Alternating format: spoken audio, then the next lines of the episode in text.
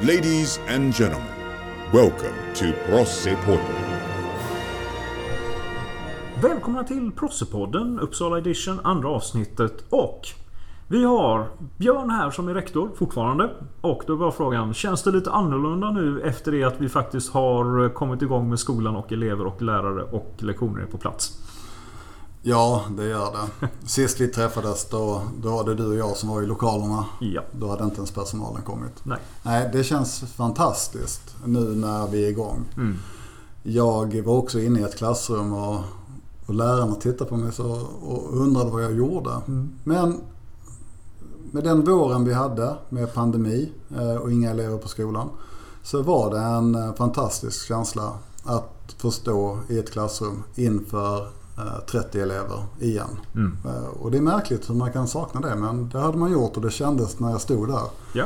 Ni har inte tänkt på det så mycket innan men när jag väl stod i situationen då blev det uppenbart.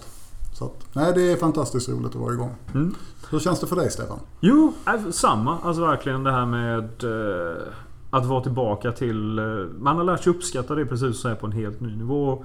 Ska man sammanfatta hur det känns så är trött men glad. Ja.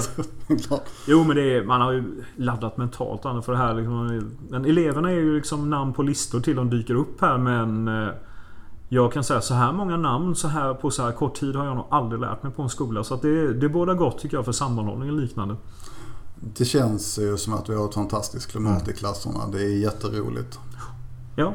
Nej men det är just det här med eh, när man känner alla elever på liksom skolan. Och det tror jag är faktiskt någonting som eh, är en bra punkt inför framtiden för skolan. Att vi kommer att vara lagom stora.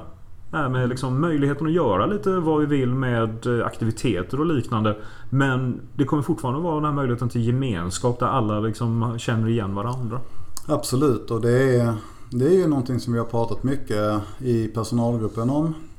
Men också med eleverna om att, eh, att Procivitas är en skola som eh, vill och eh, jobbar aktivt med att skapa engagemang för skolan men också gemenskap i klasserna. Och det var väl tydligt, om ingenting annat, under introdagarna här Ja. som vi hade när vi hade mycket aktiviteter som syftade till att få klassen att komma lite närmare varandra.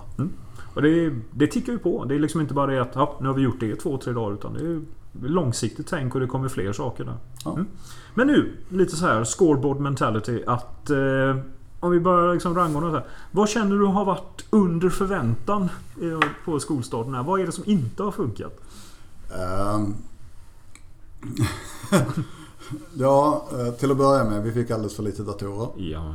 Eh, Och det är ju fortfarande rätt plågsamt. Mm.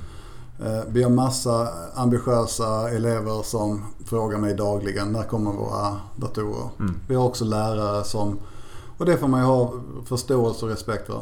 Deras planering haltar ju lite när de trodde att vi skulle ha datorer från start. Mm.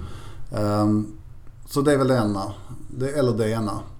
Sen ska man ju vara ärlig, vi har inte fått alla möbler heller. Åh, skönt skulle jag vilja säga. För i alla fall så ja, hade vi haft problem. Ja, men det är, då har vi liksom åtminstone en långsam utveckling att se fram emot och från- när det gäller möbler och förhoppningsvis en snabbare lösning när det gäller datorer. Men vad känner du har varit över förväntan? Som du inte räknade med?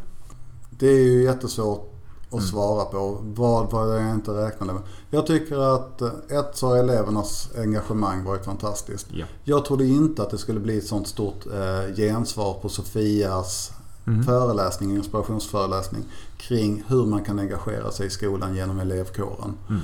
Eh, återigen, dagligdags har jag elever som frågar mig när kommer de? När kan vi sätta igång? Mm. Eh, och vi väntar ju lite på att elev, eh, Sveriges elevkårers centralorganisation ska komma hit och liksom hålla ett konstituerande möte. Så att vi kan faktiskt formellt sett bilda en elevkår. Mm. Eh, Så det har varit eh, över förväntan. Sen tycker jag att maten har varit väldigt bra. Absolut. Någonting du har uppmärksammat Ja. på Insta om inte jag Ja. har sett fel. Så det har varit jätteroligt. Mm. Sen tycker jag också att jag var lite orolig. Hur, hur ska det bli? Mm. Vi är en liten skola. Men vi sitter i ett stort hus tillsammans med en ganska stor gymnasieskola. Men jag tycker att det har fungerat eh, långt över förväntan också. Mm. Ja, Jag håller med om det. Att, eh, jag tänker man själv har jobbat eh, årtionden på en annan skola. Det här man tänker att eh, när känslan för, när skolkänslan liksom har utvecklats där. Och jag bara slog mig själv liksom då att hur snabbt det börjar kännas att vi är på väg att bli liksom Procivitas ihop med liksom eleverna även här. Och det är ju som, då blir man nästan förvånad. Vi har bara varit här ett par veckor och det liksom är redan så tajt. Ja, man måste ju påminna sig om det emellanåt att vi är ju egentligen faktiskt bara... Jag menar, du och jag var här från dag ett Ja. och det är faktiskt bara tre och en halv vecka sedan. Så. Men för framtida så här eh, poddäventyr så... Man kan räkna med att vi kommer att prata lite med lärare och personalen och eh, bredda sig lite så att eh, det kommer inte bara vara du och jag. Nej, det får man väl verkligen hoppas. Det kan väl bli tjatigt i längden kanske. Precis. Men! Nu har vi klarat av första steget. Det är bara 999 kvar på vet du, det här årets resa. Så är det. Så är det. Tack för det här Björn. Tack själv. This has been another episode of Prosse Portland.